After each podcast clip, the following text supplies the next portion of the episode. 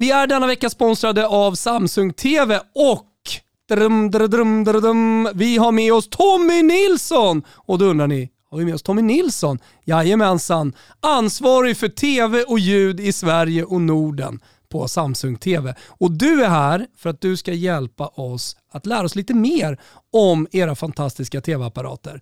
Första frågan som jag behöver ställa dig, som vi har upprepat i Toto Balotto nu under några veckor, det är att Samsung har en TV för alla personer och alla rum. Kan du förklara, vad menar ni med det?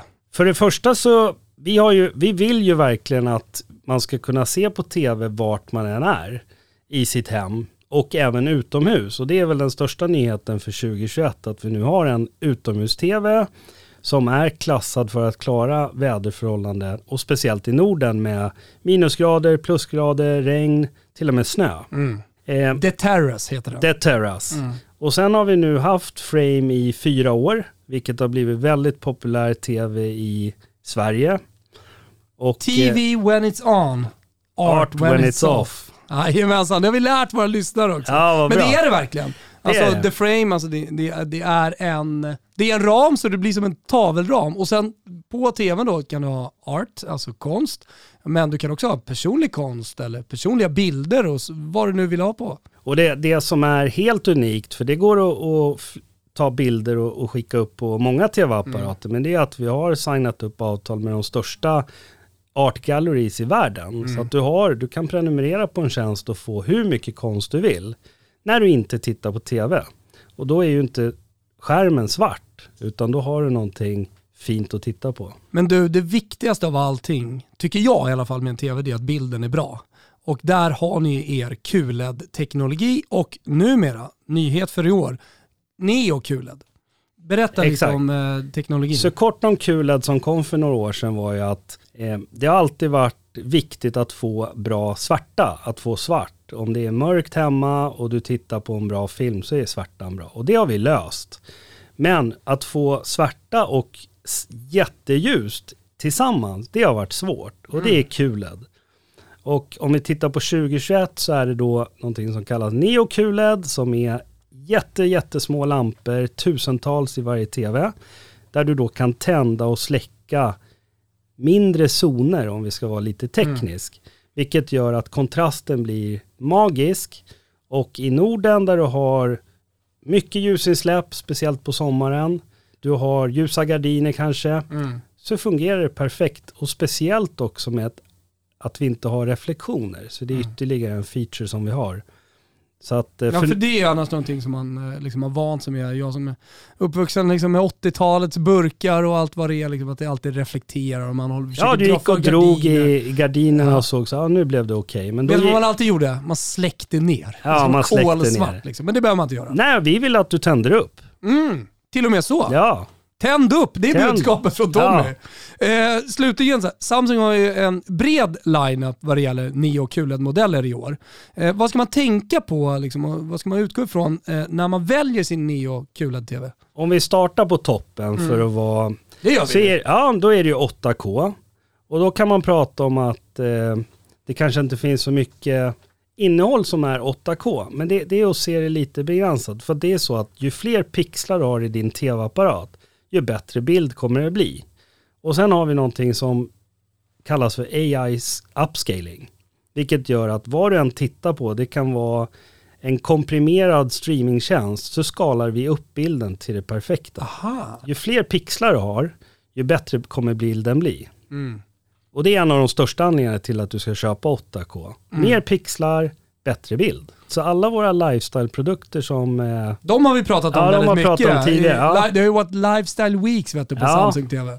Och alla våra Lifestyle-TV har QLED-teknologin. Mm. Så att eh, om det är mörkt hemma eller om det är jätteljust eller om du har TVn utomhus med solen så funkar det perfekt och du får den ultimata bildupplevelsen. Stort tack eh, Tommy. Jag har redan lärt mig väldigt mycket, men du kommer tillbaka, eller hur? Jag kommer tillbaka. Ja, vi har flera veckor framför oss här. Vi ska lära oss allting om Samsung TV. Jag säger stort tack till Tommy. Tusen tack, stort kul att vara här. Stort tack till hela Samsung TV för att ni är med och möjliggör Toto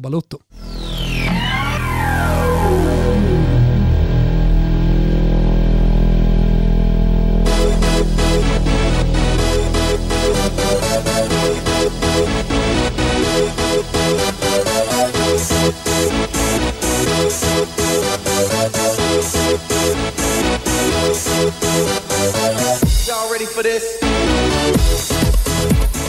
Känner varmt välkomna till Toto Balotto. Det är torsdag den 27 maj. Villarreal har eh, för bara några timmar sedan lyft Europa League-bucklan mot Gdansk-himlen efter en riktigt svettig straffläggning. Men framförallt så skulle jag vilja börja med att säga tack till alla som hört av sig angående jag och min Jan. Ja, eh, det var eh, en succé Gusten. Ja, det var, det var väldigt roligt att se all respons. Vissa har skickat in sina egna coverversioner. Förhoppningsvis så kan väl det bli liksom en trend nu fram till och med och under Vet du vad jag väntar på? Du väntar på den, den riktiga studioinspelningen här på måndag som, som vi ska göra. Ja, det väntar jag dels på så att vi får ut den som eh, låt på Spotify och så att alla kan ladda upp eh, inför eh, liksom, eh, premiären och allting med den. Men jag väntar ju på körsången som kommer in. Ja, okay. ja. Alltså, nu, Vissa nu... har ju föreslagit stråkar också. Jo, det är som nej, uppbyggt för stråkar i slut. Ja, exakt. Men eh, jag tänker på folks egna versioner av den här låten som nu börjar skickas in. Ah, okay. Så ser jag fram emot liksom, när det är körsång. Ja, I en kyrka. Ja, Bra behöver det inte vara. Alltså, sen så ser jag fram emot läktarsången också, ja. när man sjunger ändå eh, i grupp. För alla er som följde den här releasen på Twitter så noterade ni säkert att det var många vassa musiköron där ute som skulle hålla på och gidra om tonarter och F-dur och C-moll och hela jävla faderullan. Alltså vad som var, det var att jag gick in och körde en one-take i en poddstudio. Sen la Kimpen Wirsén på en eh, elgitarr. En F-dur ja, på din eh, D-dur. Han gjorde liksom nattmackan och bara liksom svängde ihop något. Det är lite kul, det är lite på volley. Ja. Alltså, det... Men så, det var ju hela projektet. Jag, eh, det slog ju mig efter vi hade haft eh, sittningar med Janne och vi spelade Jag och min far igen, eh, Jannes favoritlåt. Så bara slog det mig när jag låg en kväll, fan här borde vi göra, liksom en, det här borde sjungas till Janne. Så skickade jag bara in, där borta vid bänken har vi ställt vår Jan. Mm. Och så fyller Kim på med Han leder vårt landslag mot forns stora dagar. Och sen så vet vi ju alla att det är du som är sen sångmakaren. Sen tog jag tag i pannan. Exakt, och sa Gugge, här får du göra no det här får du göra någonting av. Eh, och sen så blev är... det låten, ja, nej men alltså ja. det, det, är på den vägen det är bara. Yes, äh, men jag, jag, det var många som skrev till mig, antingen så är du helt tondöv eller ett musikaliskt geni som kan då tröska på eh, när gitarren ligger i en tonart och du sjunger ah, en annan hela låten. Men jag sjunger ju bara a cappella, ja, jag hör ju ingen gitarr när jag har sjungit in den utan det, det är superproducent Men det kommer i dur-dur! levde ut sina gitarrhjältedrömmar här. Ja, ja. Eh, men nästa vecka spelar vi in den eh, ordentligt så att, eh, tack återigen alla som har hört av sig med glada tillrop och eh, Vänta några dagar till, eh, alla ni som vill eh, ha den på streamingtjänster så att ni kan spela den i högtalarna och sjunga upp här nu när det är dags. Eh, ska vi börja i Europa League-finalen igår kväll i Polen? Absolut. Vad, vad, vad kände du under matchen inför? Vad, vad var dina liksom förhoppningar och tankar? Ja, men, förhoppningarna var väl att Moreno skulle göra mål så man fick något slags formbesked inför, inför Spaniens mästerskap. För att jag har ju Moreno i Ruben. Mm. Det är så enkelt Gustav. Jag, jag är en jävligt enkel man. Så att jag satt och jobbade lite Moreno och dröjde inte länge innan det smällde. Nej. Och eh, nej men sen, någon lite, du vet man börjar känna eh, Sverigepeppen, så någon liten tumme sitter man och håller för Vigge att det ska gå bra för honom och sådär. Så att, eh, klassiskt så här, kolla, på, kolla som neutral fotbollsälskare på, på en match som betyder jävligt mycket. Och eh, det blev jävligt mycket känslor. Jag älskade att se framförallt eh, Villarreal-supportrarna stå och lida. Alltså hur länge sedan såg man människor lida på en läktare. För det första har vi inte sett några människor på en läktare.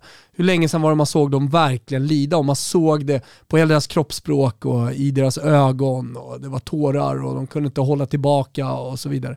Så att eh, det, ja, känslorna någonstans såg man ju fram emot eftersom det var en final. Och sen så dessutom då för Villarreal så har de ju aldrig vunnit någonting. Nej. Så att eh, det, det blev ju, det, ja, det man, man, såg ju hur stort det var för dem. Vi är på väg tillbaka till livet och det tycker jag den här matchen eh, symboliserade. Ja, det var just där jag hade mina ingångsvärden, att man verkligen hejade på Villarreal. För att tyvärr så lider ju Europa League lite fortfarande av att för vissa klubbar så är det B-turneringen. Det, ja. det, det, det, kommer aldrig bli Champions League och, och, väldigt många av de här största elefanterna, när de av olika anledningar hamnar i Europa League, om det så är via en femteplats i ligaspelet eller att man kommer trea i Champions League-gruppspelet, så blir det så tydligt i hela deras uppenbarelse att Ja, ja. Alltså det är Europa League, vi får väl se. Visst, när vi väl är framme vid en semifinal då kan vi väl ställa ut ett ganska bra lag givet att vi inte har jättemycket viktigt att spela för i ligaspelet eller någon annan kupp och så vidare.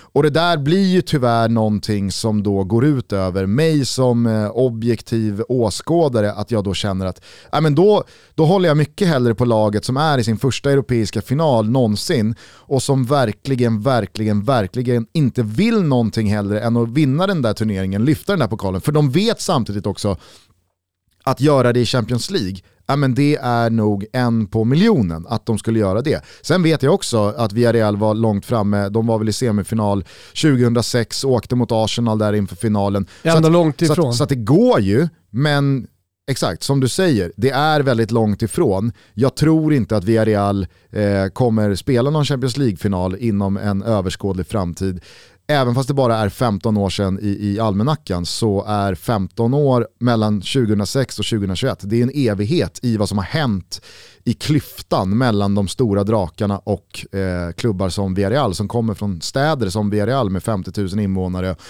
och vad den klubben har för resurser eh, jämfört med lag som Manchester United. Så det, det var ju verkligen känslan av att fan, nu hoppas jag verkligen Villarreal löser det här. Mm. Eh, och jag tycker att eh, Unai Emery återigen, alltså, det kanske inte var den mest frejdiga och, och lustfyllda fotbollsinsats man sett ett lag göra. De är ju tekniskt eh, sämre, sämre lag spelare för spelare. Absolut, men jag tycker att Unai Emery gör ju en sån jävla bra matchplan. Ja, hur han ställer laget ganska lågt, hur han packar centralt hur de har sån jävla koll på Bruno Fernandes hela ja. tiden. Var är han, var är han? Han ska inte ha en enda meter över någonstans runt boxen. Ja, men det är ju ett krig också som eh, han förbereder spelarna på. Alltså, ja. Villarreal-spelarna går ju in precis maximalt och lite till faktiskt i, i alla närkamper. Och det, det är ju också förberedelse, det är också tränarskap förutom att packa centralt och ligga nära, ligga tätt på Bruno Fernandes. Jag tyckte det var otroligt eh, imponerande att se hur de bara skar av eh, Bruno Fernandes Fernandes den här matchen. Rashford hade det väldigt jobbigt också.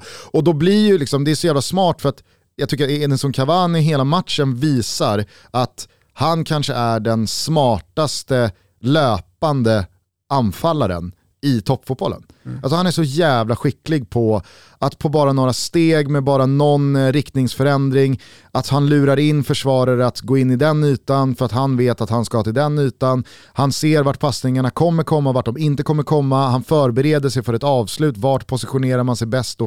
Det är så jävla coolt att se en anfallare som Cavani när det står åtta spelare i och runt straffområdet som ska försvara och hålla koll på honom, men de ändå inte lyckas. Och då tror jag att det är ett sånt jävla rätt drag av Una Emery att kan vi då skära av Rashford och eh, Bruno, ja, men då, då är hälften vunnet kring Cavani. För att han kommer sniffa upp de där lägena ändå. Nu gäller det bara att minimera gångerna bollen når honom eller passningarna går mot honom. Kommer du ihåg den här matchen mellan Manchester United och Real Madrid på Old Trafford? När Cristiano Ronaldo var jävligt osynlig. Ja. Eh, och då var väl liksom konsensus att, ja, men, ska, man få stopp på Cristiano Ronaldo, då kan du inte börja hålla på och liksom försöka stoppa Cristiano Ronaldo. Du får stoppa Xabi Alonso. Ja, exakt. Det är så du stoppar Cristiano Ronaldo, för att han kommer alltid ta sig till sina lägen själv. Han kommer alltid slå sin spelare en mot en. Han kommer alltid, för att han är världens bästa fotbollsspelare, göra saker du inte kan liksom förhindra. Men kan du kapa bort passningarna till honom i en högre utsträckning, ja då ökar ju chanserna att Cristiano Ronaldo inte får tio lägen eller tio tillfällen mm. med bollen här. Han kanske bara får tre. Och det var lite känslan igår, att äh, jag, jag, blev så jävla imponerad av eh, Unai Emerys eh, mm. taktiska disponering och hans eh, gameplan och att de får målet och känns jävla trygga i det.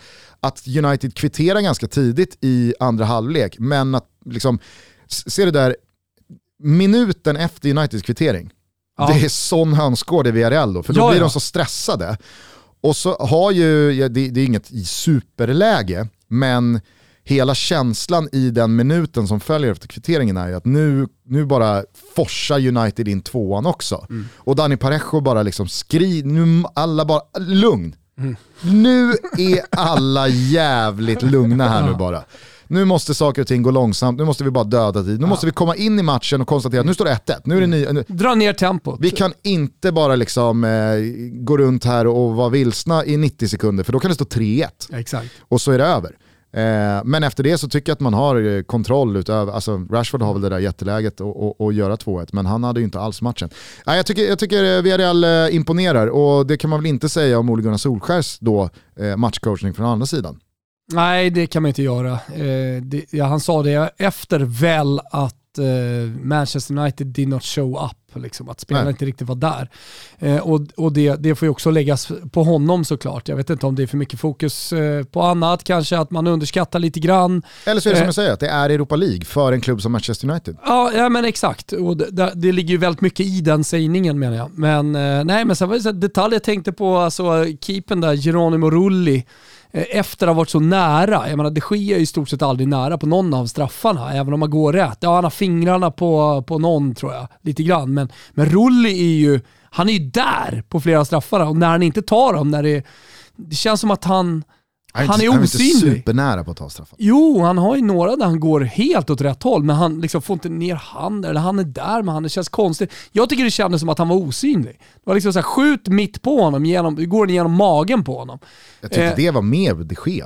Där snackar vi, alltså, Nej, men det sker var mer... en slips i ribban. Ja, jag, jag fick den känslan på Rolle i alla fall, att det är så här, nej, det här, det här är inte... Sen kommer de Gea bara kasta sig, rädda någon jävla straff. Men, men Rulli, han kan gå åt rätt håll varje gång, han kommer ändå inte rädda straffarna. Så när han skulle gå upp och skjuta så kände jag bara, nej, nu, det, det var inte hans straffläggning. Då fick ju din känsla rätt då, Gusten. Eh, men sen också efter när man, när man skulle ta emot silvermedaljerna, eh, Manchester United, att Eh, att du vet, de tar av dem, eh, och det, tar av dem direkt efter framför kameran. Mm. Och man ser att de, liksom, de är så medvetna om att kameran är där, så de tittar lite in i kameran och går förbi. Det blir ett jävla poserande med att jag ska minsann ta av mig den här silvermedaljen. Jag bryr mig inte om silver, jag är vinnare. Eh, och, och sådär. Sen kommer eh, Cavani upp, som den jävla mästare han är. Det är gärna få mästare i det här laget, eh, höll jag på att säga. Men, men ändå, och, och liksom, han får silvermedaljen. Som den gentleman han är så går han av det där podiet utan att hålla på och posera framför kameran. Nej. Tyckte det var på något sätt talande. För exakt vad vet jag inte, men, men eh, jag, jag, jag uppskattar det i alla fall från eh, no, och, och jag, jag håller helt med dig. Eh, att ta av sig silvermedaljen för att posera med att man är så jävla besviken, att man är så, eh, liksom, kolla vilken vinnarskalle jag är. Alltså det är, ju, det är ju motsvarigheten för det förlorande laget till de i det vinnande laget som vänder på matchtröjan för att maxa speltiden för sitt efternamn. De är också, de är också svårsmälta. Ja, de som envisas med att liksom så här, Ja, men I den här stunden, jag vänder på tröjan så att jag får en bullig krage under halsen. Ja. Men det är värt det för då kommer det stå mitt efternamn över bröstet här. Eh, skitsamma, jag, jag, jag tycker att du, du, har helt rätt och, och, jag tycker att Cavani verkligen inte ska, ska få någon skit här. Eh, han ska det inte var en detalj, det var en petitess ja, men jag säger bara, värt att nämna. Ja, ja, och jag säger bara att eh, i, i matchen, varför mm. United förlorar, eh, så tycker jag inte någon skugga ska falla över Edinson Cavani. Han spelar en fotboll och det måste jag säga, det har varit jävligt imponerad över Cavani eh, hela den här säsongen, sen han började spela i Manchester United. Att han har spelat med ett jävla driv, han ser inte ja, ja. alls mätt ut. Nej, nej. Jag tror att även i Europa League-sammanhang så spelar Edinson Cavani för, kanske inte upprättelse, men i alla fall ett, ett nytt kontrakt, en förlängning hos Manchester United eller ett stort kontrakt hos någon annan av de större klubbarna. Sen är han ju som fortfarande från ser Uruguay. Att, ja, ja absolut. Jag då, men, då går man in med 100% jämt.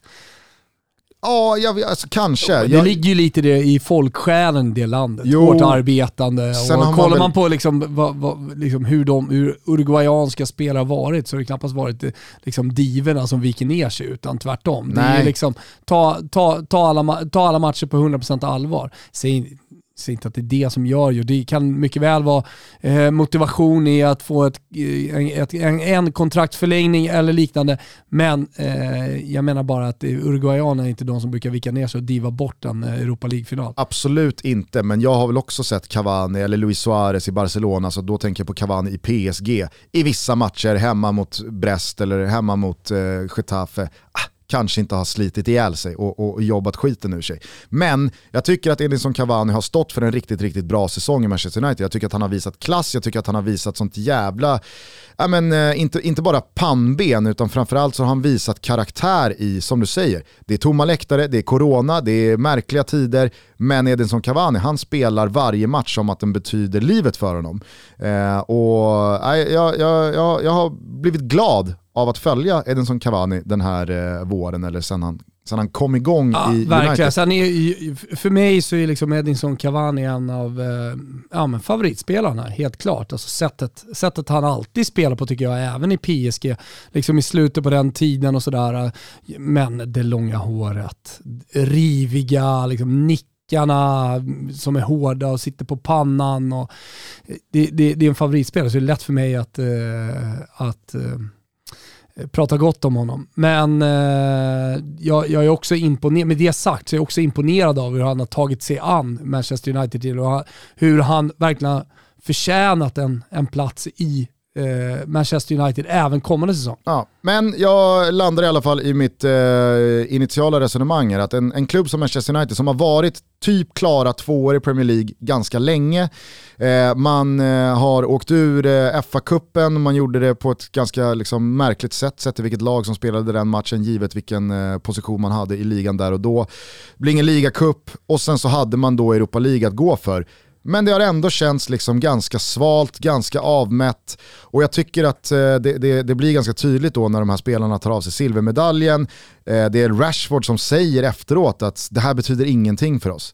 Nej, Nej, men alltså, så här, vad, vad, är det, ska det liksom så här, ska det få alla supportrar... Ursäkta mig, känner tönt. Ja, men ska, ska all... De grät ju för fan Manchester United-supportrar på läktarna, för de betyder uppenbarligen någonting. Det är det jag menar. Ska, ska alla Manchester United-supportrar då höra de orden och känna Aha, nej men vad bra. Då så. Då mm. kan vi ju, vad fan gör vi ens här? Mm. Då kan vi ju lika gärna skita i det om det inte betyder någonting. Mm. Nej, men det, det, det, jag tyckte det blev så jävla tydligt i känsloutspelen och, och citaten och, och Man blir glad att Villarreal, som, som, som neutral fotbollsälskare så blir man glad att Villarreal vann den matchen. Ja, ja verkligen. Jag, jag tycker att det var en eh, sån jävla fin kväll och det var många man gladdes med och sen så har säkert väldigt många inte missat eh, stadens storlek, att man eh, hade 10-11 spelare i, dagen, eller i gårdagens då finaltrupp från den egna akademin.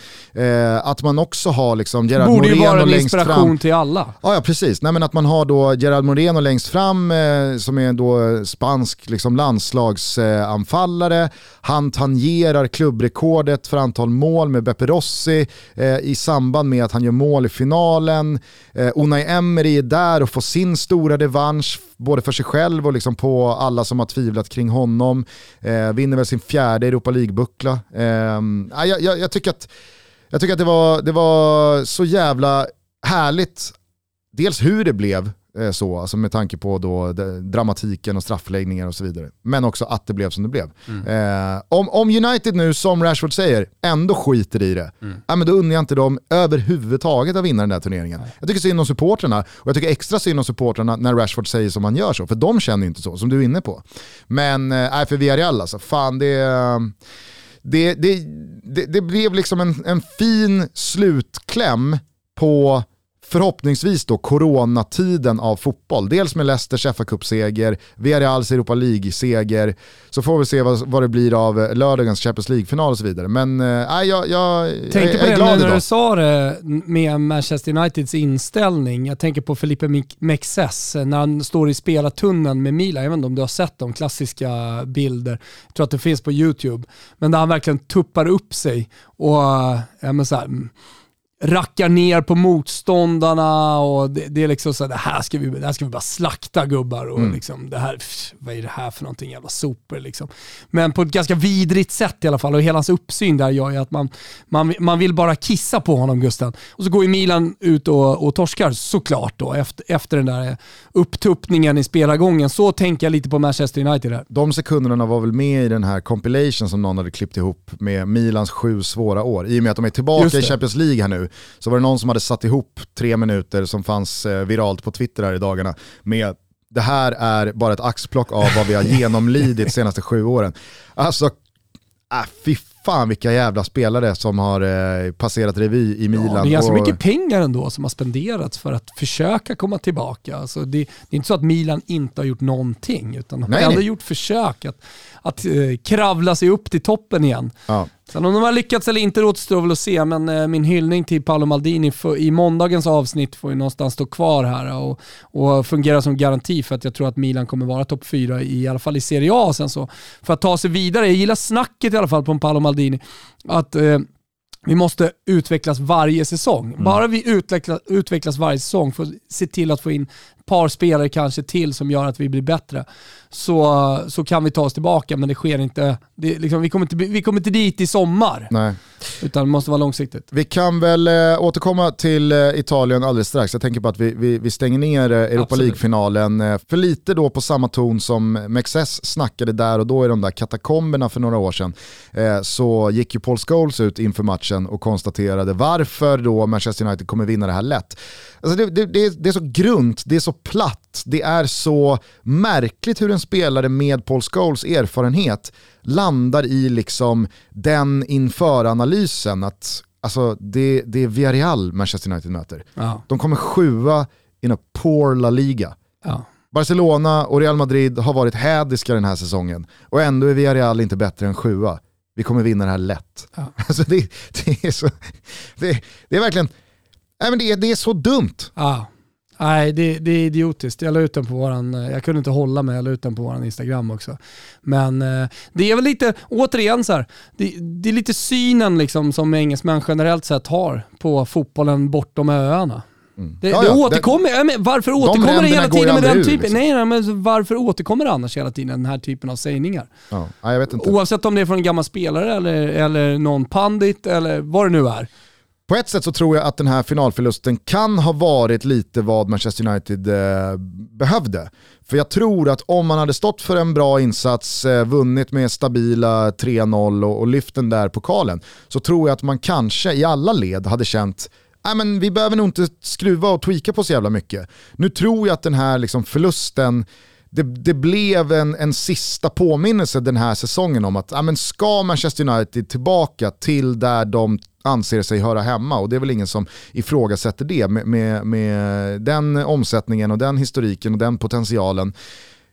Så, så tror jag att eh, det här var liksom, ja, men det, det var nog rätt i att fan, vi, vi, vi, kanske inte är ett steg ifrån en Champions League-semifinal. Vi är fortfarande ett lag som förlorar mot Villarreal om vi inte kommer upp på eh, vår, vår, eh, vår högsta höjd. Och vi kanske har ett par spelare för mycket som får lite för mycket speltid jämfört med de allra bästa lagen som inte är på den nivån. Eh, och kanske, kanske, kanske var det här också den här sista eh, sparken i baken eh, på de som äger det beslutet att Ole Gunnar Solskär inte är eh, han som ska träna Manchester United över en längre tid framöver. Jag vet inte. Eh, jag, jag, tror i alla fall att den här förlusten kan, ja, men det, den kanske innebär någonting gott för Manchester Känslan United just nu är att engelsmännen har gjort allting eh, inför eh, hösten så att säga. De, de, de, har ju bytt tränare i Chelsea och visst det, det kommer hända någonting. I, I någon klubb såklart, jag har inte riktigt koll på exakt hur Walser Pankini ser ut. Ja precis, Spurs ska ju såklart sättas. Eh, och, och, saker kan hända, men, men det är i alla fall inte samma vibbar som man får från Italien, där precis allt ska göras om nu. Ja, verkligen. Det är helt sanslöst. Det är faktiskt, det, alltså Intersupportrarna igår, de protesterade alltså i tusental utanför, eh, utanför klubbhuset.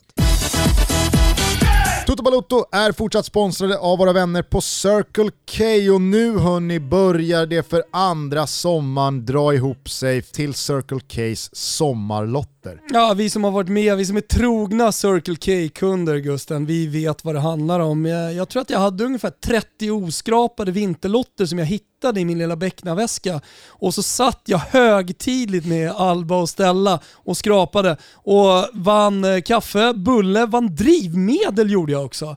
För det är en jäkla massa man kan vinna på de här lotterna. För det är ju en miljon vinster och det är som jag sa allt från drivmedel, biltvättar till hyrbil och baguetter. Hur lägger man vantarna på en sommarlott? Jo, man får en lott när man handlar i en Circle K-butik och man får en lott när man tankar. Alltså får man max två lotter per besök. Och som Thomas nämnde, vinsterna är oerhört många. En miljon till antalet och det kan vara allting från drivmedel, biltvättar och hyrbil till baguette och nachotallrik. Vad är då högsta vinsten? Galna nachotallriken Ja. för övrigt. Det är inte högsta vinsten. Det är inte Borde högsta, vara högsta vi- vinsten. Det kanske borde vara det, men det, det, är, det är alltså drivmedel för 50 000 kronor. Men du känner ju, känner ju lyxen här med Circle K. Du åker in, blippar bilen, knallar in, de har supergoda baguetter och massa andra saker. Och så när man har handlat så får man en sån här sommarlott och har chansen att vinna. Ja, om, man, eh, om man tankar så får man två. Man hatar ju inte att vara på Circle K. Nej. Sommarlotterna drar igång 27 maj och pågår hela sommaren så att välj nu Circle K när ni ska tanka, äta eller tvätta bilen. Det finns inte så många anledningar till varför ni inte skulle göra det. Vi säger stort tack till Circle K för att ni är med och möjliggör Toto Balutto. Tack Circle K, jag älskar er. Toto Balutto är denna vecka sponsrade av Xbox. Ska vi ta det en gång till vad Xbox Game Pass Ultimate är? Ja, jag tänkte bara säga någonting om att de har hållit på nu sedan 2001.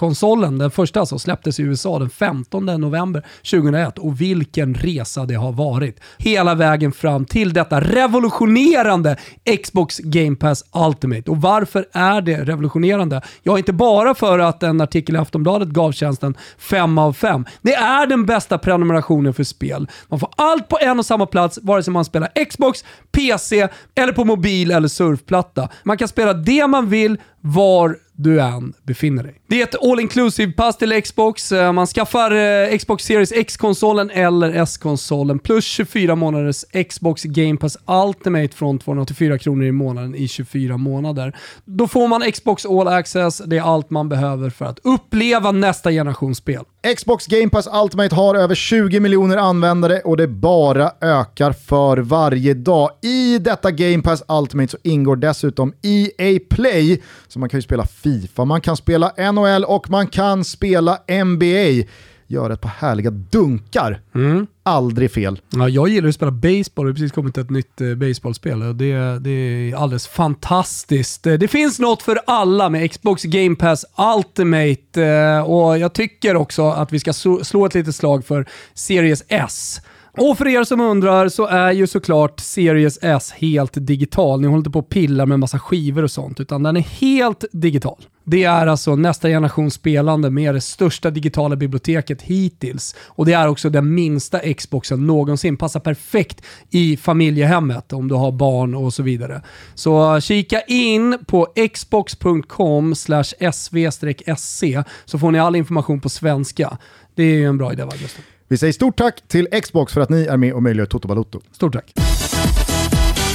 Ska vi bara eh, liksom börja i änden av då vad som eh, har hänt till 100%, alltså som är klart. Eh, för men det är ju mycket som helst. Ja men det är ju en hel del som också då bara, eller vad vi ska säga, inom citationstecken, är spekulationer eller rykten. Det är inte 100% klart än. Vad som är confirmed det Okej. är att José Mourinho tar Roma. Eh, vad som är confirmed är att Gennaro Gattuso lämnar Napoli och är klar för Fiorentina. Eh, vad som också är klart är att Antonio Conte lämnar Inter. Eh, om det är mutual eller om det är Conte som lämnat eller om det är Chang som har eh, dojat honom, eh, vad, vad, vad säger du då? Alltså, Nej men... eh, jag, alltså- jag, jag har hört lite olika saker, jag vet inte riktigt vart jag Ja, har jag tror landat. att ett sånt, ett sånt här beslut kan liksom inte, kan inte vara bara från en, kan inte komma bara från en sida utan eh, det, det är såklart att Conte har eh, varit missnöjd med den planen som har lagts upp, hur man ska kunna värva, precis som man varit tidigare, klassiska, man kan inte äta på en 100 euro restaurang med en 10 euro sedel. Det är precis samma sak här. Inter är ju i ett liksom, ekonomiskt läge där man ja, eventuellt ska sälja delar av klubben, hela klubben. Eh, det, finns, det finns liksom inga pengar. Och eh, Antonio Conte har vunnit den här scudetton, precis som liksom det har varit tidigare. Han är ganska kort tid i klubbarna. Det var någon som summerade, jag tror att det var max tre år eller någonting. Men tar vi med Bari, Atalanta, Chelsea, Juventus så är det så här, det är två år. Ja, men, Maximum. Eh, alltså, hans, tre, hans, tre, hans treårssession i Juventus är väl Ja, där det. han har varit längst. Ja men, ja, men precis. Så, så det, det är ju Antonio Conte. Så det, det, i, Ja, men I, i, höstas- kommunikationen från Inter har det Mm. inte varit att eh, han har blivit sparkad eller att Antonio Conte har sagt upp sig. Eller? Nej, alltså de har ju kommit överens om, man skulle kunna se det som sparken i och med att man har kommit överens om så här Bono Chita, eh, att han har fått ett, ne- att han har fått ett avgångsnederlag. Vederlag. På- sa jag nederlag? jag tror inte att 7,5 miljoner euro är ett nederlag. Utan det, det, är nog helt okay, sitter helt okej på Antonio Contes, eh, Antonio Contes eh, bankkonto. Antonio Däremot, Conto. Antonio Conto.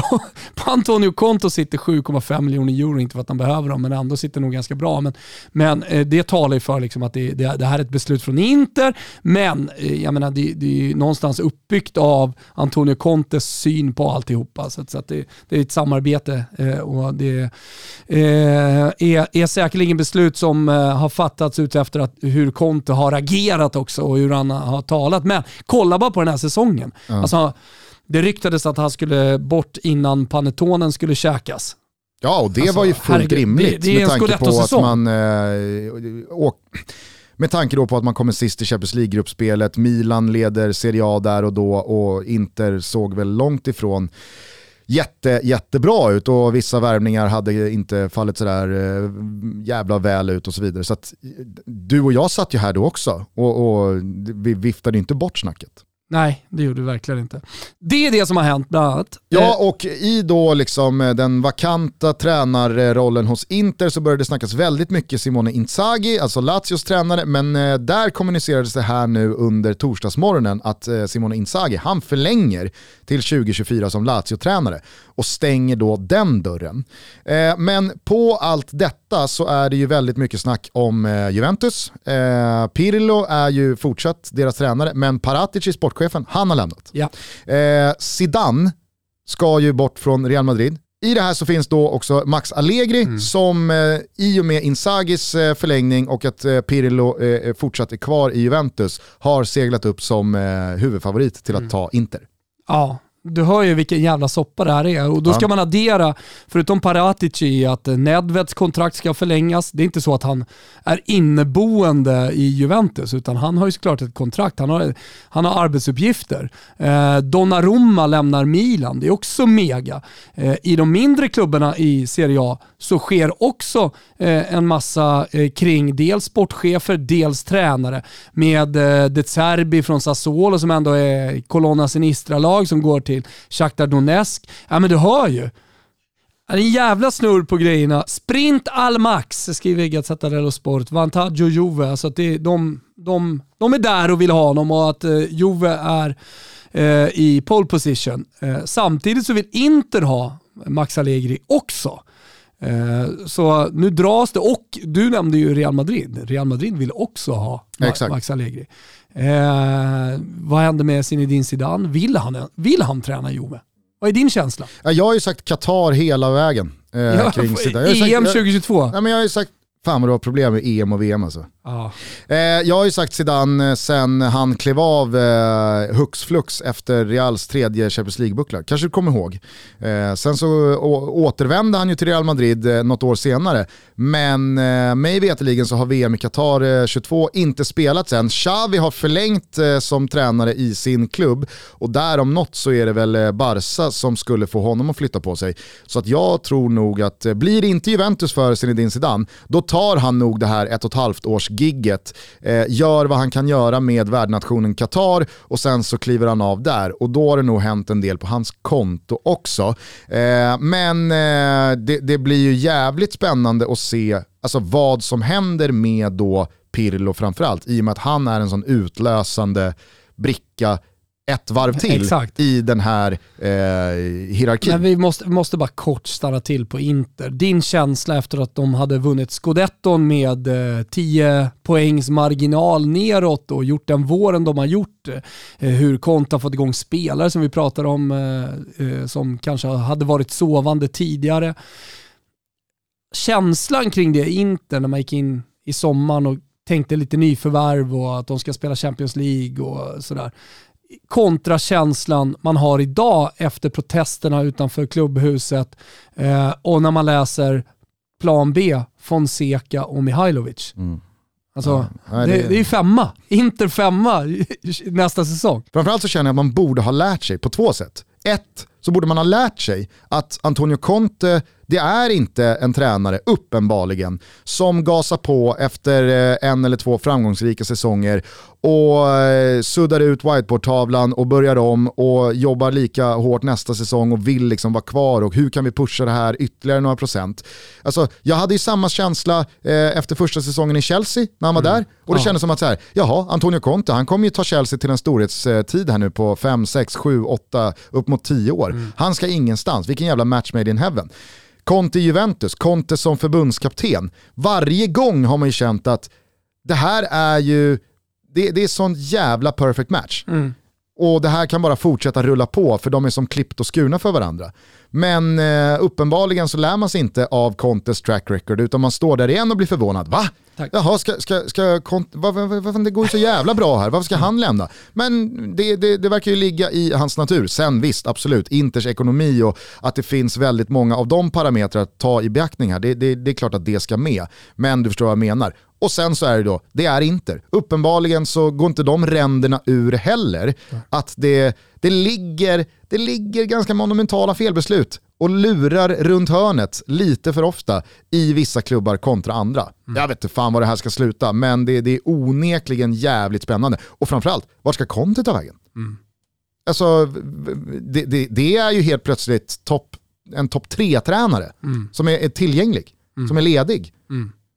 Ska han, alltså det kanske är Real Madrid på honom. Mm. Jag vet inte. Eh, du nämnde det, eh, Roberto De Serbi är klar för Shakhtar Donetsk, eh, lämnar händer nog lite grejer på det kontot också. Uff, eh, kontra skojar. Sassuolo. Skojar du? Nu pröjsar Sassuolo är helt okej okay ändå. Men, jo, eh, det är väl helt okej, okay, men, men eh, han hade ju såklart bud från andra klubbar i Italien och säkerligen utomlands också, så han kunde väl välja att vraka lite efter hans gedigna fina arbete med Sassuolo.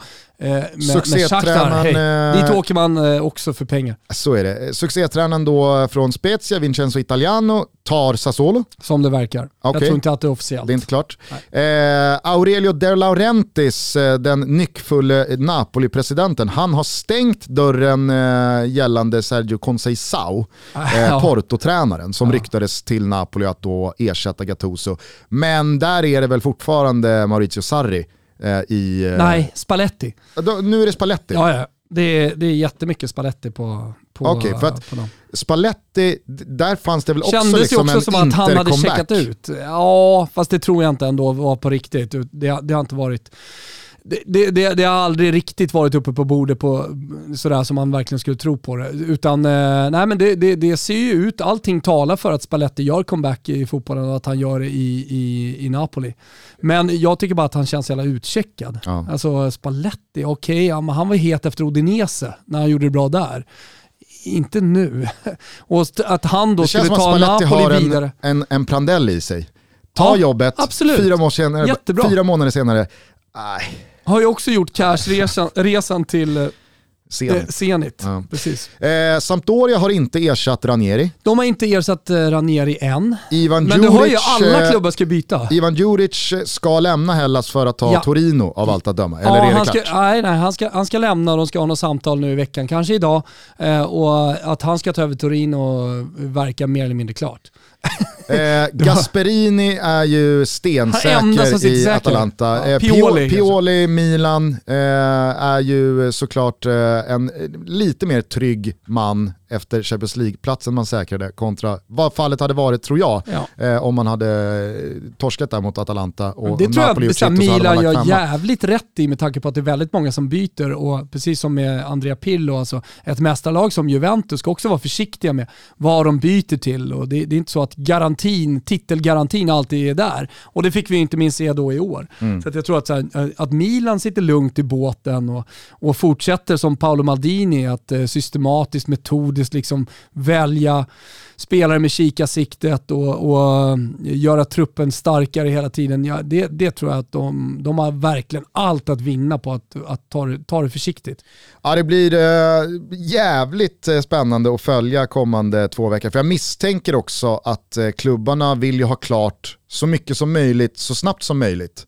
Mm. Eh, sett till då ja, men, EM som eh, rullar igång, men att man har då bitarna på plats inför återsamlingen. Och ja. att, liksom, ingen klubb mår ju bra av, på den här nivån, att gå utan tränare Nej. i fem veckor. Nej. Utan eh, det här behöver man sätta. Men Sen- det är så är jävla många speciell- intressanta pusselbitar i omlopp.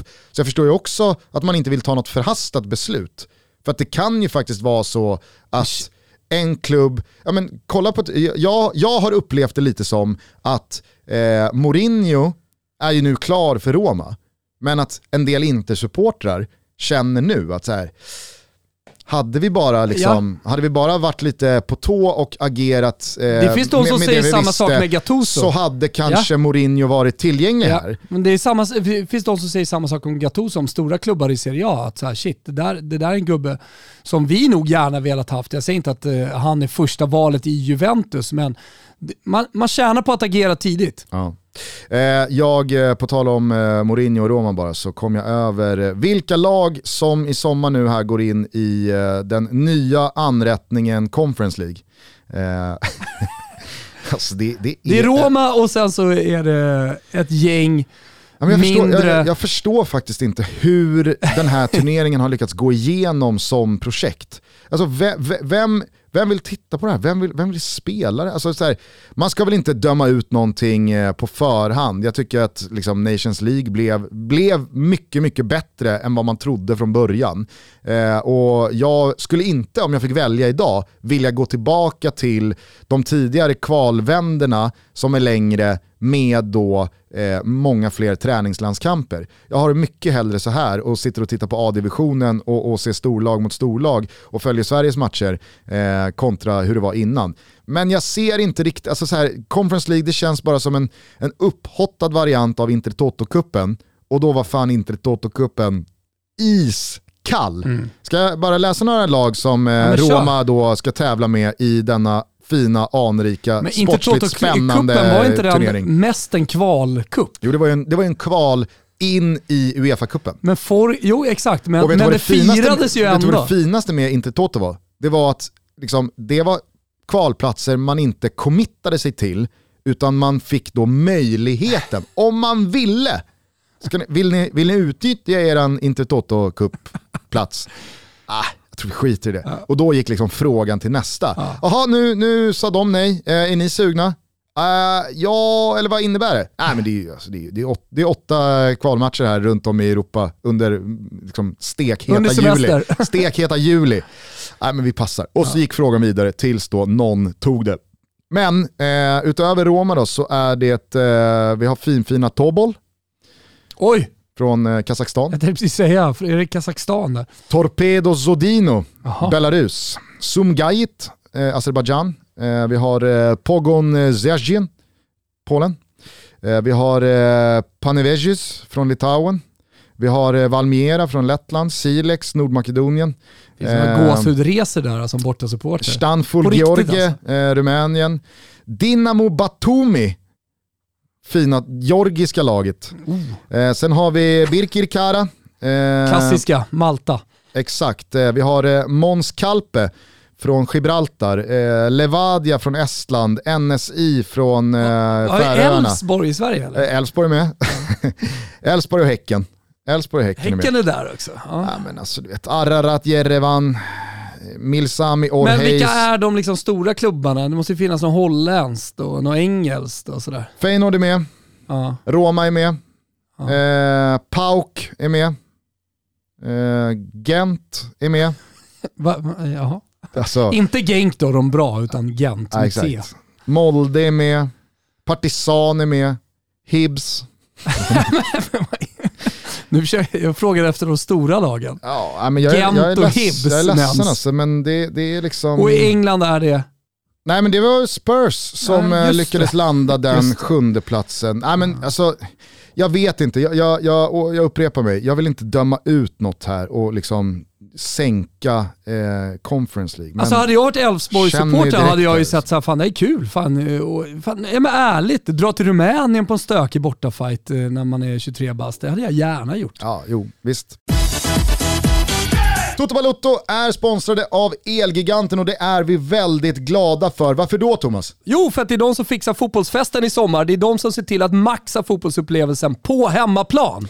Elgiganten är Sveriges största och marknadsledande återförsäljare av hemelektronik och utöver hemelektronikprodukterna så har Elgiganten också ett stort utbud av tjänster som gör att man kan få hjälp med allt från leverans, montering, installation och support så att man verkligen får till den upplevelse man önskar med det man köper. Ja, men de hjälper inte bara till med att sälja prylarna så att säga, att ha ett stort utbud för att få en så härlig fotbollsfest som möjligt, utan de hjälper även till så att man kan få dem att funka optimalt hemma. Och för de som vill undvika i dessa tider att besöka butikerna så kan man givetvis göra sin beställning på elgiganten.se och sen Ja, ja. så hämtar man upp sina varor via drive-in. De eh, tänker fan i mig på allt Elgiganten. Ja, men eh, de, de tänker på allt och framförallt så har de tänkt på oss som älskar att konsumera idrott. Eh, De har precis allt. Yes, och just nu så är det en stor kampanj med massor av grymma deals och riktigt bra priser på tv, soundbars, nätverk och all Oj. annan hemelektronik som kan tänkas hjälpa dig att göra en så fet mästerskapsfest du bara kan tänka dig. Så att in på elgiganten.se eller besök något av deras varuhus. Gör det nu. Toto Balotto lyfter på hatten för Elgiganten och säger stort tack för att ni är med och möjliggör vår lilla podd. Och eh, festfixar inför eh, sommarens stekheta fotboll.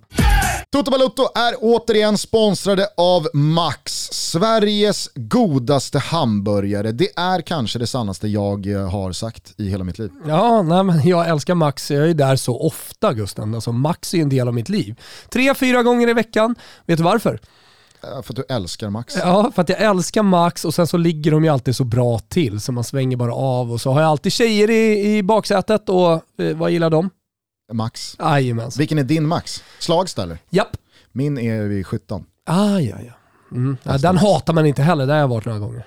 Är det vår eller är det sommar? Vem vet? Det är lite chall på Gulfströmmen i alla fall, så då är det ju tur att eh, de ljumma vindarna från Kalifornien blåser in över Sverige med då spicy avokadoburgaren. Solmogen tärnad avokado, syrlig picklad rödlök, färsk jalapeno och sour cream and onion dressing. Och så väljer man ju själv då vad man kör för protein. Antingen så kan det ju vara svenskt nötkött, kyckling, halloumi eller då den växtbaserade plant beefen som är chockerande god. Ja, det är den. Första gången jag åt den så beställde jag faktiskt fel. Och sen efter det så har jag faktiskt inte gått tillbaka. Men Utan nu kör jag eh, plant beef. du har väl laddat ner appen och beställt där, hoppas jag? Vadå? App? Ja. Det finns en app alltså? Jajamän, Max Burgers. Aj, aj. Då Finns ska det jag gå in och ladda ner direkt. Ladda ner appen och eh, gör era beställningar där. Så kanske ni gör som Thomas då och beställer fel men hamnar rätt. Mm. Eller så gör ni bara rätt från första början i och med att appen är så smidig och bra. Hörni, eh, smäll i er en spicy avokado här nu så möter vi sommaren ihop. Vi säger stort tack till Max för att ni är med och möjliggör Toto Balotto. Och för att ni gör så goda hamburgare. Stort tack! Eh, men okej, v- vad, vad förväntar du dig här av de kommande dagarna från Italien? Alltså, Jag trodde, jag, trodde, jag trodde du skulle säga, vad förväntar du dig om, eh, alltså, i Conference League? Vilka kommer vinna? Expertutlåtande. Inte en susning. På tal om att så här, vara motiverad inför en Europa League-final. Ja. Alltså hur, hur motiverade kommer Roma vara? Sen finns det säkert andra fördelar med att kunna lufta trupp och allt det där. Spela in yngre spelare. Men det är inga Så att- roliga resor. Jag misstänker att det här ska spelas på torsdagar också.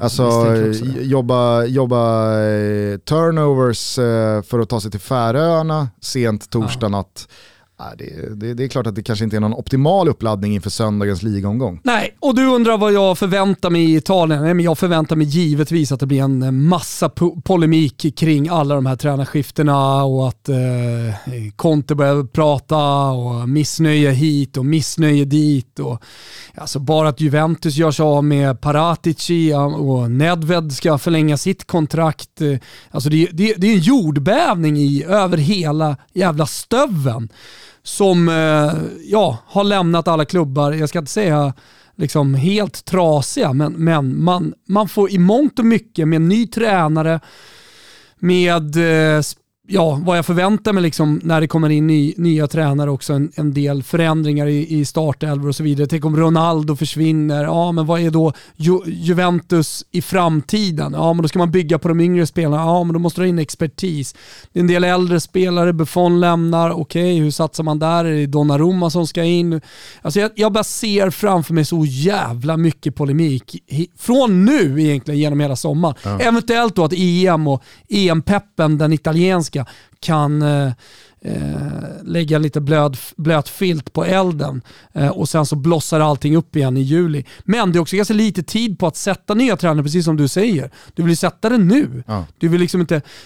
Kanske att några klubbar ser att så här, ja, men EM köper oss lite tid.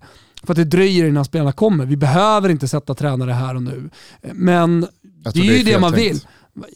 Det, det, är väl alltid fel tänkt att vänta, men jag tror att vissa, vissa klubbar jag, jag tror att här, i vissa specifika lägen så kan det vara bra att vänta, mm. när man nu har satt sig i den här situationen. Men jag tror att, eh, jag tror att det är viss, vissa klubbägare, vissa presidenter som är lite stressade här nu. Och det som har hänt i Juventus, på tal om jordbävning, alltså allt från Super League, Agnelli, fram till att nu då Paratici lämnar, vad händer med Pillo, vad händer med Ronaldo? Att deras nästa säsong är ju väldigt oviss. Ja, ja, verkligen. verkligen. Och vi har ingen aning, vi kan inte placera Juventus, eh, liksom var de är i, i, i, i ett odds-race inför nästa säsong. Det är omöjligt. Jag eh, känner att vi eh, skyndade oss förbi det lite förhastat, men vilken jävla markering från Lazio att förlänga med Simone Inzaghi mm. i det här läget. Alltså, kommer du ihåg när Sergej Milinkovic Savic förlängde sitt kontrakt? När hans, det, det, var både Milan och Manchester United och Real Madrid. Men så landar eh, Lazio den förlängningen med Sergej. Alltså, då var jag imponerad. Att man i det här läget, med de klubbarna som just nu liksom högst troligt hade älskat Simon Inzagis tjänster, alltså att man förlänger med honom en sån här dag, det är, det är starka papper. Ja, det, tycker jag verkligen. Eh, alltså, jag vet inte vad vi har Simone Inzaghi liksom bland toppklubbarna. Förutom att han då har ryktats till Juventus tidigare. Han har ryktats till Inter under den här eh, tränarvalsen. Så alltså, var har vi egentligen Simone Inzaghi? Hur bra är han? Eh, men men eh, med tanke på allting som händer, precis egentligen samma retorik som med eh, Pioli, så, så gör Lazio helt rätt. Kanske är det så att Lotito var lite sugen på en förändring, men så såg han allting som hände och kände shit, fan behåller vi bara det här nu mm. så har vi allt mycket vunnet och kanske kan gå in nästa säsong med lite trygghet och lite garantier till skillnad från många av konkurrenterna. Känslan är ju att Lazio har tagit ett bättre beslut än Simon Inzaghi. Definitivt. Jag, jag, jag kan känna, eh, och det, det har ingenting med att liksom så här, jag eh, håller på Roma och eh, gärna ser att Lazio kliver i klaveret, men för Simone Inzagis skull, sett till hur länge han har varit i Lazio nu, det hade varit ett jävla bra läge att ta ett steg upp på trappan. Ja. just nu. Ja. Jag vet inte. Eh, på tal om det där, vi, vi, lämnar Italien och tar oss hem till Sverige för där händer lite samma sak. Eh, jag, jag, sa till Hasse Eklund och Falkenberg för eh, ett och ett halvt år sedan, res statyn och kliv av. Mm. För det blir aldrig större än så här. Nu är han sparkad. Nu är, liksom, nu är det där glömt. Nu, nu drogs Kommer allting i smutsen jo. Jag tror att, jag tror att eh, alltså så här, Hasse Eklunds relation till Falkenberg bärs ju inte av vad de gjorde bra 2019. Utan ja, den, är, historieböckerna, sen så glömma saker och vad kommer man ihåg? Vad är det man kommer komma ihåg? Så det är klart det är bra han har gjort. Inte. Nu kommer jag att tänka på när Björn Westström var här och gästade oss och berättade, för när då han och Andreas Alm som hade varit liksom ler och långhalm i, i många år och, och, gjort det tillsammans och när då Alm fick gå, på sättet han fick gå, det är säkert många som kommer ihåg den där bizarra träningen han höll på Karlberg, när alla visste att han var sparkad, men Andreas Alm ledde träningen ändå, för han var inte sparkad. Eh, men eh, när vi då snackade med Westerholm, så sa, för då frågade jag, men hur, hur, hur är det där när man ja, men, eh, bryter med någon som eh, förmodligen inte bara är en tränare och en yrkesman utan också en, en vän. Liksom, att, hur, hur är relationen? Ah, vi, vi kommer nog kanske inte fira midsommar ihop. så jävla Björn Westerholms svar. Ah vi kommer nog kanske inte fira midsommar ihop. Eh, men eh, alltså, jag tycker, det är säkert helt rätt att göra sig av med Hasse Eklund, men Hasse Eklund borde ha fattat det för ett och ett halvt år sedan. Nej, det, det, det, det, är nu jag ska kliva av. Ta, ta statyn och kliv av. Eh, en bit upp då i den svenska näringskedjan så är det ju väldigt, väldigt mycket snack om eh, framförallt Stefan Billborn och eh, då Roland Nilsson. Mm. Andreas Alm kommer ju lämna Häcken här nu efter cupfinalen på söndag mot Bayern klar för Odense, dock ännu inte klart vem som ska ta Häcken. Men det känns ju eh, minst hett av eh, de här tre klubbarna. Ja, Eh, ska, Jensa ska, Gustafsson Ja. eh, är väl väldigt mycket snack om då kring ersätta Roland Nilsson i IFK Göteborg, var på Tele2 och såg matcher mellan Djurgården och Blåvitt och så vidare. Men Billborn, Bayern, jag kände direkt när de här uppgifterna kom i början av veckan, det här är ett misstag av Bayern. Det här är ett misstag. fast de har inte sparkat Billborn än. Nej jag vet, men precis som eh, Zidane eh, inte var sparkad eller skulle lämna Real Madrid, alltså ibland, Jo, man, vi, vi, vi pratade precis om Andreas Alm-uppgifterna, han gick ut och ledde träningen dagen efter på Karlberg. Jo men ingen rök utan eld. Exakt. Och det, mycket, kan mycket väl vara så att han får sparken men vi, vi förlorade cupfinal. Cup, eh, final. men eh, enligt mina källor och det är allting jag hör eh, så, så är han långt från sparkad. Mm, Okej. Så jag menar, men, ja, de uppgifterna bara från eh, Aftonbladet, de, de, ska jag nog ta med en nypa salt. För Aftonbladet, de skrev ju att han var sparkad. Ja. Eh, sen har väl eh, liksom, precis som väldigt många, eh, Aftonbladet har ju haft fel förr när man har gått på stora liksom, eh, avslöjarspåret, inte minst i landslagssammanhang, men eh, man får ju också, och det brukar ju du och jag Enligt, alltid enligt mina källor så är det agentplanterat där. Okej. Alltså från en, en specifik agent. Att göra Eh, som då representerar en spelare eller som representerar en tränare? Ja, det spelar väl ingen roll, alltså jag vill inte säga så jävla mycket mer än, än det. Men, men det är agent... Sen, sen återigen, sen skulle det kunna vara så... Thomas Sarg ut Wilbacher. Jo men vadå? Alltså, man, ska, man ska inte bränna sina källor. Precis som jag tänker inte bränna källan som är extremt tung och nära men ändå som, som säger att eh, IFK Norrköping är väldigt missnöjda med eh, Rickard Norlings eh, ledarstil. Som jag för övrigt såg här nu precis kommunicerade officiellt att man gör klubbens största affär genom tiderna när man säljer Haksabanovic till Mm. Rubin Kazan. Eh, så att cash eh, trillar in eh, och det finns väl ganska mycket pengar på det där kontot sen innan. Sen ska ju Hunten ha en del. Ah, men, Sen eh, blir ju det lite kvar lite spillror till IFK Norrköping. Fast eh, Hunten tog väl tillbaks eh, sitt här nu i, i vintras. Och så det, det var väl liksom den... den Hunten ska alltid ha en liten del.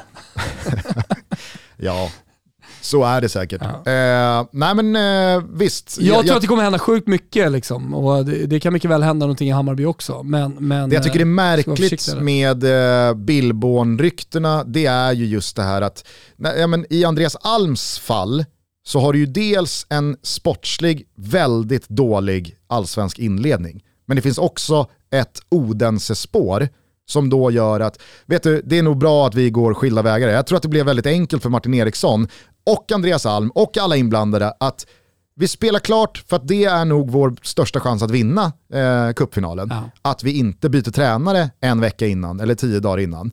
Nu är resultatraden vad den är i allsvenskan, men det kommer inte spelas några fler matcher efter den här senaste.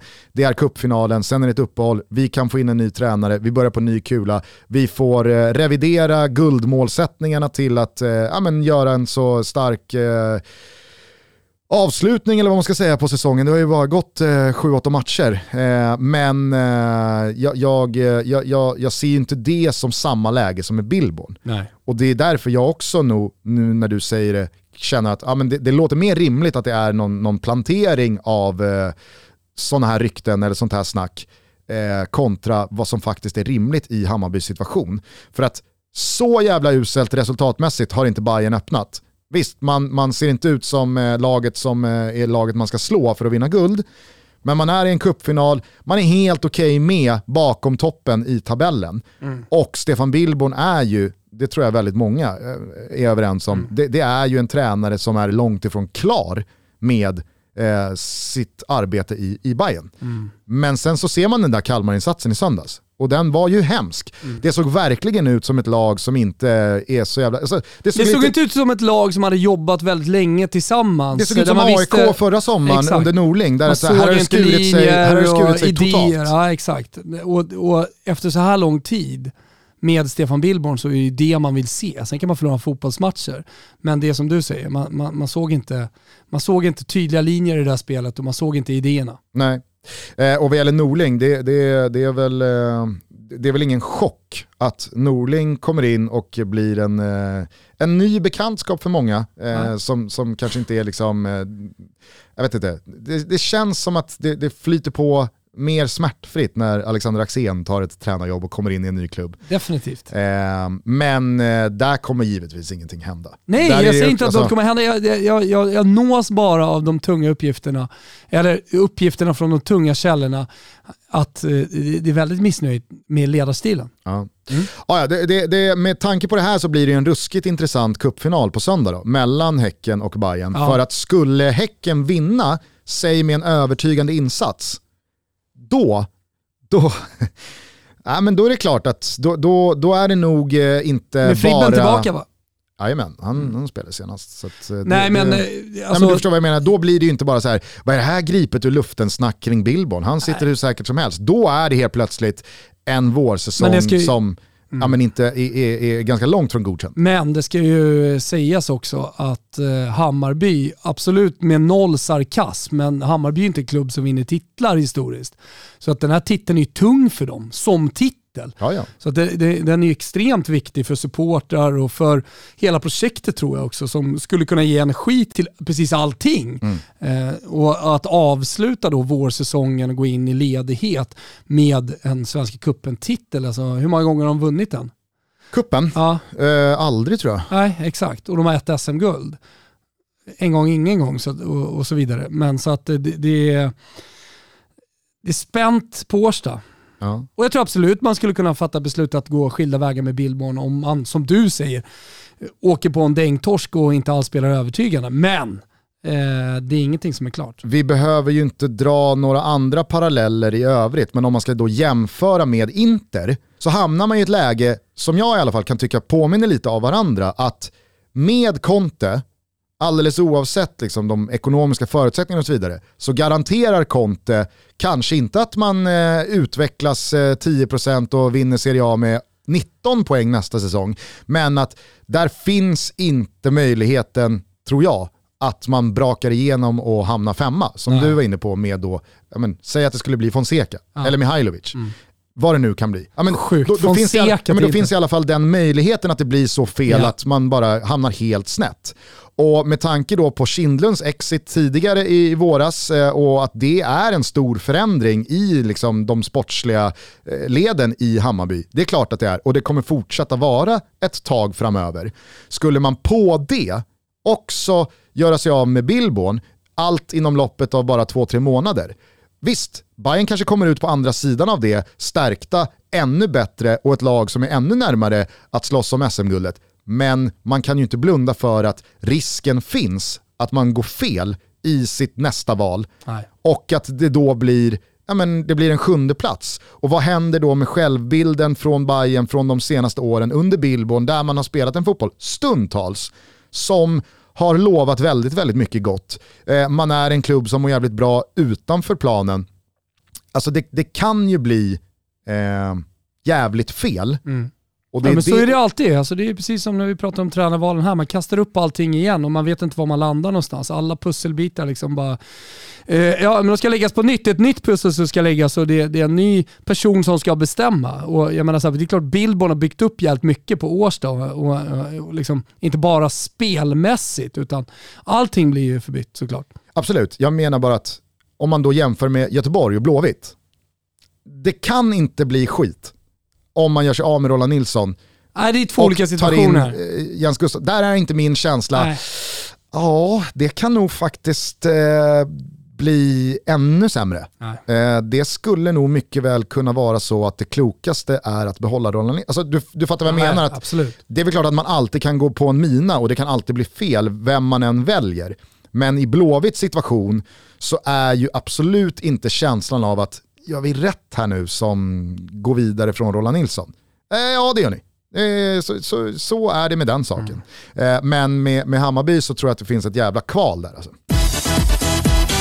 Vi är sponsrade av våra vänner på Pepsi och ni vet ju att vi tillsammans med Pepsi Max kör en riktigt rolig tävling under hashtag TotoPepsi. Man skannar QR-koden som finns på Pepsi Max-burkarna eller flaskorna, då får man upp ett Pepsi-spel som vi tävlar med er om att vara bäst i. De bästa har chansen att vinna äkta Champions League-finalbollar, men den med högst poäng har dessutom chansen att vinna en exklusiv TV. Det gick lite halvknackigt för i början Thomas. Ja, först fick jag noll, men det var så att jag inte fattade. Men eh, nu har jag 65 då som high score. Eh, jag får ju se hur det står sig när folk börjar spela riktigt ordentligt. Eh, man eh, scannar ju bara den här QR-koden som sagt eh, och sen så kommer en jävla massa bollar och så är man Leo Pepsi och så ska man försöka fånga de här bollarna. Nej, det är för bra. Hörni, försök slå Thomas, försök bli bäst i hela jävla landet. Vi säger stort tack till Pepsi och Pepsi Max för att ni är med och möjliggör Toto Balotto. Nu tar vi en Pepsi. Hörru du, vi ska börja avsluta. Om eh, två dagar så är det en eh, ruskig fotbollslördag. Mm, det är det. Det är Championship-kval till eh, Premier League. Det är det yes. du tänker på främst eller? Ja men det, det är ju en av tre kanonmatcher. Det är roligt att de här matcherna Fina avlöser pärlbandet. varandra. Ja, exakt. Pärlbandet då med Brentford och Ponne 16.00, Sverige-Finland 18.00 som du programleder på Simor. 17.30 öppnar studion oj, oj, oj. från Friends Arena. Har ni fått några indikationer på hur Janne kommer spela? Det är väl sånt där som ett sändande bolag liksom eh, grottar lite i och drar lite i. Nej, jag tror faktiskt eh, det typ handlar om att få ihop en backlinje. Nu såg jag Emil Kraft stukade väl foten igår på träningen. Granen klev av va? Granen klev av i förrgår. Eh, Victor Nilsson Lindelöf tror jag inte är aktuell för att gå rakt in i den här elvan. Nej, han, han är om eh, och så har du då Augustinsson och eh, Martin Olsson är out. Så att, ja, kan, vi, kan vi ha Pierre Bengtsson, Danielsson, Eh, Helander, Hela, ah, Helander är, är Helander fit? Det är han inte. Bra fråga. Nej men så har du Big Mike. Det, är, ja, är det. Nej, det blir, det blir en jäkligt eh, svajig... Seb Larsson högerback, Big Mike Danielsson mittbackar och Lustig Pierre Bengtsson till, vän, till, Lustig till vänster. centralt. Ja, nej men eh, jag, jag, tror faktiskt eh, att eh, Janne och Wettergren och gänget är ganska frustrerade över att den här matchen kommer sett till hur det ser ut som det gör i framförallt backlinjen. Ja, men samtidigt så är det liksom två veckor bort så är det EM-premiär, så de måste ju liksom börja få ihop det här. De måste ju ha den här matchen för att slipa på detaljer mm. och så vidare. och Så vidare. Så visst, skador, men ja, det är bara att gilla läget. Du hade kunnat tagit ut en annan trupp då. då. Ja. Eh, ta bort de där spelarna, ta in andra och så vidare om du känner att du vill slipa på det. Ja, men så Swansea Brentford i playoff-final, 17.30 öppnar jag studion, 18.00 är det avspark på Friends Arena, det första av två eh, genrep inför EM, Sverige mot Finland och sen 21.00 så är det avspark i Champions League-finalen mellan Manchester City och Chelsea. Misstänker att tipslördag går på full patte. Ja, men vi kör full patte. Exakt start tror jag är någonstans andra halvlek Brentford. Vi hade kunnat varit med från 16. Vi får se lite exakt vad som händer, men, men eh, vi kör hela kvällen också med tävlingar, med speltips och så vidare. Alla som eh, tycker att eh, det finns snygga kläder på NLY Man Just borde det. vara med. Ja. För att NLY Man är med och har en tävling tillsammans med er va? Jajamensan, det är bara bara att det finns på YouTube och, och, och Mixler. Eller totobaloto.se om man vill, där kan man se alltihopa. Där vi har iframat in både Mixler och eh, YouTube-sändningen. Eh, vi skulle till eh, eh, Champions League-finalen bara kort för att snacka upp den, vad vi tror ska hända. Ja, eh, jag, jag ser det som en ruskig nyckelfaktor att Chelsea får en N'Golo Kanté till spel. Eh, han ja. har ju varit skadad här mot slutet, tränade dock igår så att eh, allting talar väl för att han finns med. För jag känner, Kanté out. Svårt att se, alltså, då har jag svårt att se Chelsea stå emot ja. eh, Manchester City. Men spelar en N'Golo Kanté som han har gjort ett par gånger i de största matcherna här under den här våren, ja men då, då alltså, han, han käkar ju upp Real Madrid själv. Mm. Så att visst fan har eh, Chelsea alla möjligheter i världen att då slå City. Men man ska också ge det till Manchester City att Pep Guardiola, han har ju optimerat det fysiska läget i sin trupp. Snurrat och roterat och varvat för att alla ska få liksom exakt perfekt periodiseringsminuter i kroppen. Jag tror att City kommer till den här matchen så satans jävla fokuserade. Nu gått, är de i Champions League-final. Det har gått två år jag inte har trott på Manchester City ens i en Premier League-match. Alltså, möter de Burnley så tror jag på Burnley. Nu vänder jag. Mm. Nu kommer vändningen. City vinner det här, de vinner på ordinarie tid. Ja, men Manchester City och framförallt då Pep Guardiola har ju gått och väntat på den här stunden så länge nu. Pep Guardiola har alltså inte varit i en Champions League-final på tio år. Han var aldrig där som Bayern München-tränare och han har aldrig kommit längre än eh, så här som Manchester City-tränare. Så att de vet ju själva att det inte bara liksom ruska av sig en eventuell finalförlust och försöka nästa år igen. Det är klart de kommer göra det, men de vet ju att det kanske tar, jag kanske inte är här igen förrän om tio år ytterligare. Exakt. Så att, äh, jag, jag, jag förväntar mig ett sånt jävla laserfokus från Manchester City. Jag är med dig, jag tror att City spänner musklerna här och, eh, och, och löser det. Ja, men jag tror att den ligger på 1,80 någonstans där, alltså sitter segern på ordinarie tid, eller hur? Ja, en 90 till och med. Ja, en 90 till och med. Och vi har satt ihop eh, borta hos Betsson under godbitar boostade odds en liten trestegsraket. Precis, eh, där då City rak seger över ordinarie tid är ett av spelen. Eh, Men vi tror att båda lagen gör mål. Eh, Det är ju eh, så att tiderna har förändrats till det härligare sättet måste jag säga angående finalspel. Alltså när jag växte upp, när du växte upp så var ju mästerskaps och kuppfinaler, det var ju väldigt mycket stå, jobba klocka. 0-0 ska ticka. Vem gör första misstaget? Och så är det någon hörna i 77 och sen så blir det bara liksom döda tid sista kvarten. Det har ju varit ganska många finaler eh, på senare år, framförallt i Champions League, där det har varit väldigt öppet. Det, det har snarare varit liksom, eh, full fart framåt. Eh, och så får man väl se hur mycket man läcker bakåt. Eh, men med tanke på hur Chelsea såg ut i andra halvlek mot City här senast för några veckor sedan, så ger vi dem ju Ja, bra men chans vi- att vi liksom bjuda upp till dans här och i alla fall göra mål. Ja, Eh, och sen så tror vi att det blir straff i matchen. ja. Du vet ju vem som dömer. ja det är han Laos. Ja, eller Laos. Laos. Jag vet inte, han har halvknixigt spanskt namn.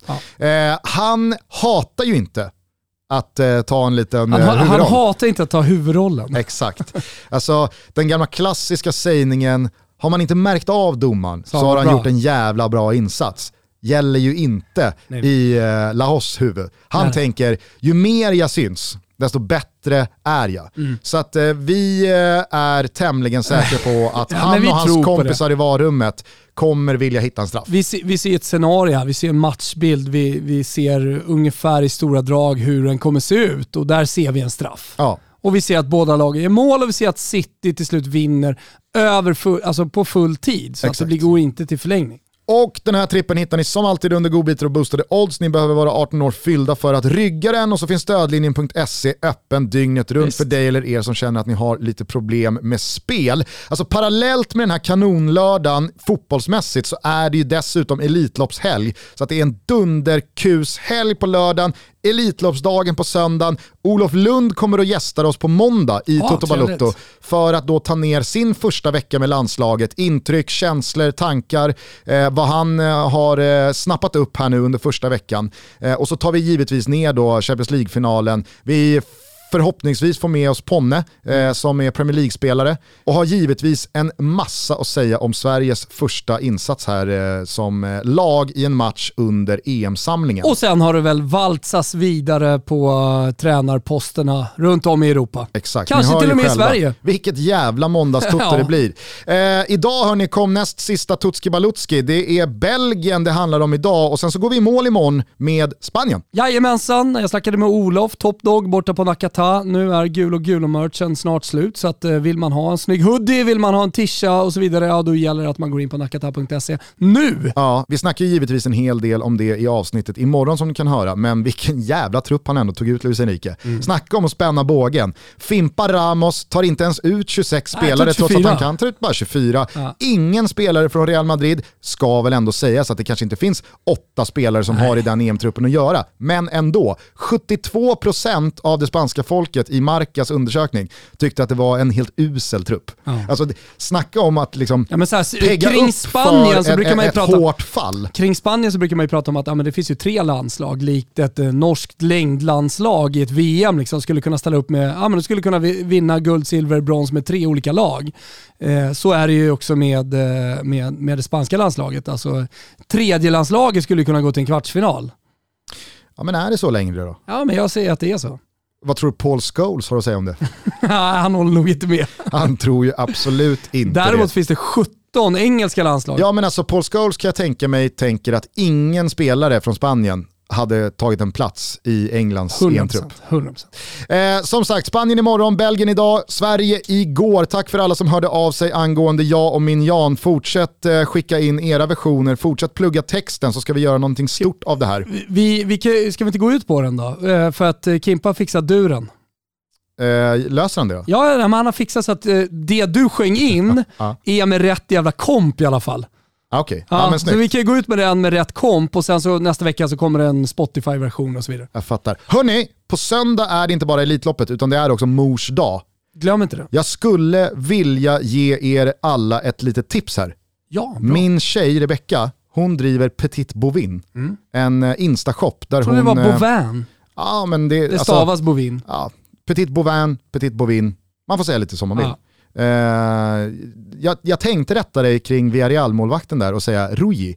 Men Ja. du säger Rulli och jag känner, Jag ja, jag ja men då så. Som, Då får du som göra många det. andra Det argentinare okej. har han ju italienskt påbrå, så det blir en eh, Mascherano Mascherano diskussion Ja. kring Rulli. Alltid knepigt det där. Ja, så att jag, det- hans italienska påbrå gör att jag kallar honom för Rulli. Någon hörde av sig till mig efter Englandsavsnittet här i förrgår och sa han heter inte Grealish, han heter Grealish. Ja.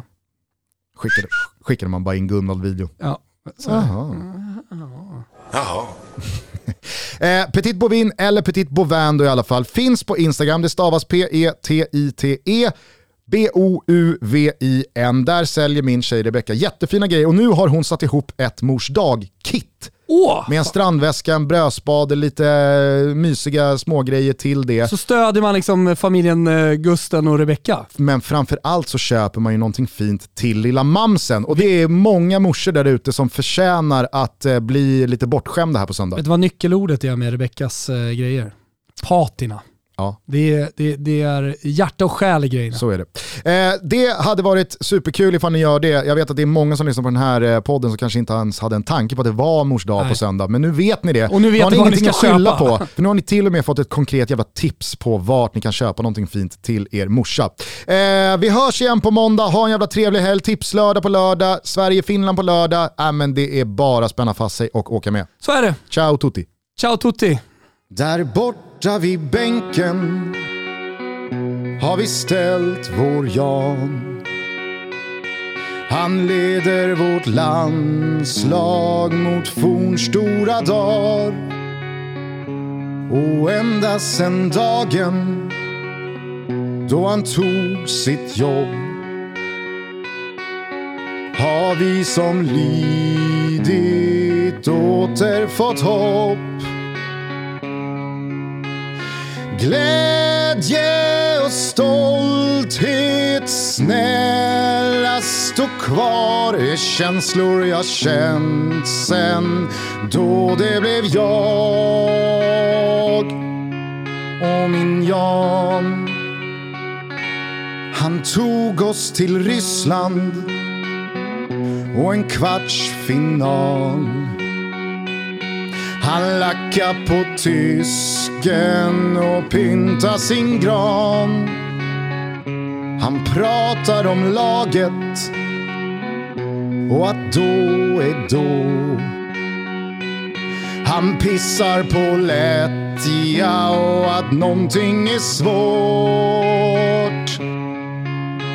Jobbet ska göras och det gör vi bra de 90 minuter då det är jag